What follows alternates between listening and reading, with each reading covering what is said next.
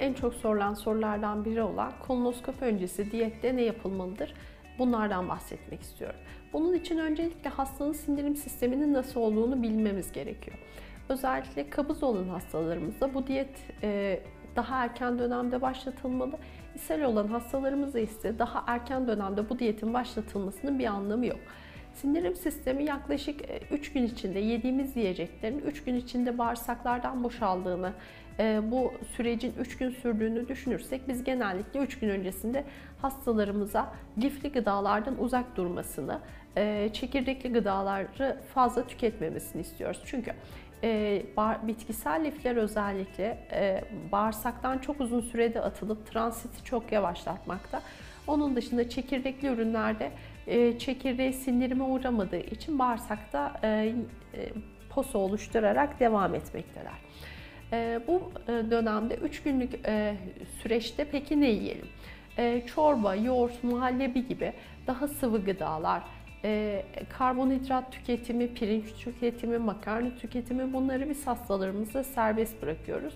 Neler yasak? Çiğ sebze meyve yasak. Bunun dışında salatalar yasak. Ee, özellikle e, çekirdekli dediğim gibi ürünler yasak. Kuru yemişi çok fazla tüketmesini istemiyoruz bu süreçte.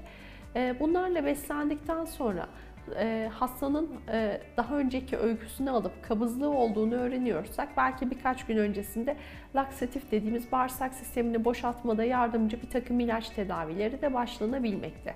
Kolonoskopiden önceki akşam farklı ilaçlarla bu doktorunuzun tercihine ve sizin tercihinize göre değişecek şekilde e, farklı ilaçlarla e, bağırsak temizliği yapılabiliyor. Biz en sık kullandığımız e, su bazlı ilaçlar. Özellikle bunlardan kullandığımızda hastalarımıza akşam saat 3-4 gibi hafif bir şeyler yemesini, akşam 6-7 civarında da bu ilaçları içmesini istiyoruz. İlaçları içtikten sonrasında mutlaka bol su tüketmesi gerekiyor. Bol su tüketmezse eğer bağırsak transiti hala yavaş kalıp bağırsağın boşalması uzadığı için hastanın hem e, bağırsak boşalması geceye kaldığı için gece uykusunun kalitesi bozuluyor e, hem de bunun yanı sıra bağırsak temizliği yeterince iyi olmayabiliyor. Bağırsak temizliğinin iyi olmaması bağırsak e, işi, bağırsağın incelemesi sırasında hem bizim açımızdan hem siz hastalarımız açısından ciddi probleme neden oluyor. Bu problemlerden başlıcası bağırsak temiz olmayıp e, gaytalar bağırsağın içerisinde kaldığında gaytanın altındaki alanı değerlendiremiyoruz. Ve bu eksik ya da yanlış değerlendirme olabiliyor. Oradaki bir polibi, kanseri, bir ülseri kaçırabiliyoruz. Bunun dışında bağırsaklarda ilerlerken daha fazla hava vermemiz gerektiği için e, işlem sonrası gaz, şişkinlik, gerginlik, karın ağrısı, gaz sancıları çok daha fazla e, hastalarımız bunlara maruz kalıyor ve bundan dolayı da işlem sonrası hasta konforu bozuluyor. Özellikle e, bu dönemde e, daha sulu gıdalarla beslenmek, çiğ sebze meyveden uzak durmak bunlarda e, tamamen çözüm olabiliyor. E, çözüm olmadığı dönemlerde bu işlem tekrarlanabiliyor. E, özellikle hastaların e, kabızlığı varsa bunu doktora iletmesi, doktora doğru bilgi vermesi e, ve e, ilaçları doktorun tarif ettiği şeklinde e, düzenli kullanması çok önemli. E, ve özellikle işlem öncesinde ilaçlarınızı içemediyseniz, e, eksik içtiyseniz bu işlemde e, başarısızlık olabileceğini e, göz önünde bulundurarak işlemi ertelemenizi öneriyorum ben. Çünkü eğer o şekilde işlem yapılırsa eksik tanı konulabilir e, ya da bir şeyler atlanabilir. Bundan dolayı e, ya öncesindeki diyeti kontrollü olarak yapmalısınız ya da sonrasında e, bağırsak temizliği ile ilgili e, tekrarlayan çalışmalar yapmalısınız.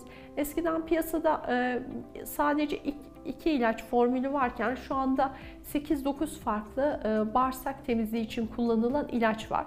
Bu ilaç prospektüslerinde ilacın ikinci dozunu 6 saatten önce kullanmamanız gerektiği ifade ediliyor. E, yalnız biz bağırsak temizliğinde bu ilaçları çok daha sık kullanabiliyoruz. Bunu doktorunuzun mutlaka doktorunuzun tarif ettiği şekilde kullanmanızı istiyoruz. E, bir de bağırsak tıkanıklığından şüphelenilen ya da bağırsak kanseri e, ön tanısı ile işlem yapan hastalarda E, bu ilaçları kullandıktan sonra başlayan ciddi karın ağrıları, bulantı kusmalar olması durumunda erken dönemde doktorunuza bu konuyla ilgili bilgi vermeniz, e, bunun erken önleminin alınması çok önemli. E, bunun dışında e, hastalarımızda özellikle istediğimiz şey e, işlemden önceki 8 saat aç ve susuz olmaları. Özellikle anestezili sedasyonla uyutarak işlem yapılıyorsa bu çok önemli çünkü işlem sırasında midenizde kalan su soluk borunuza kaçarak sizin solunum sıkıntısına girmenize ve bunun bu nedenle daha ciddi problemler yaşamanıza neden olabilir.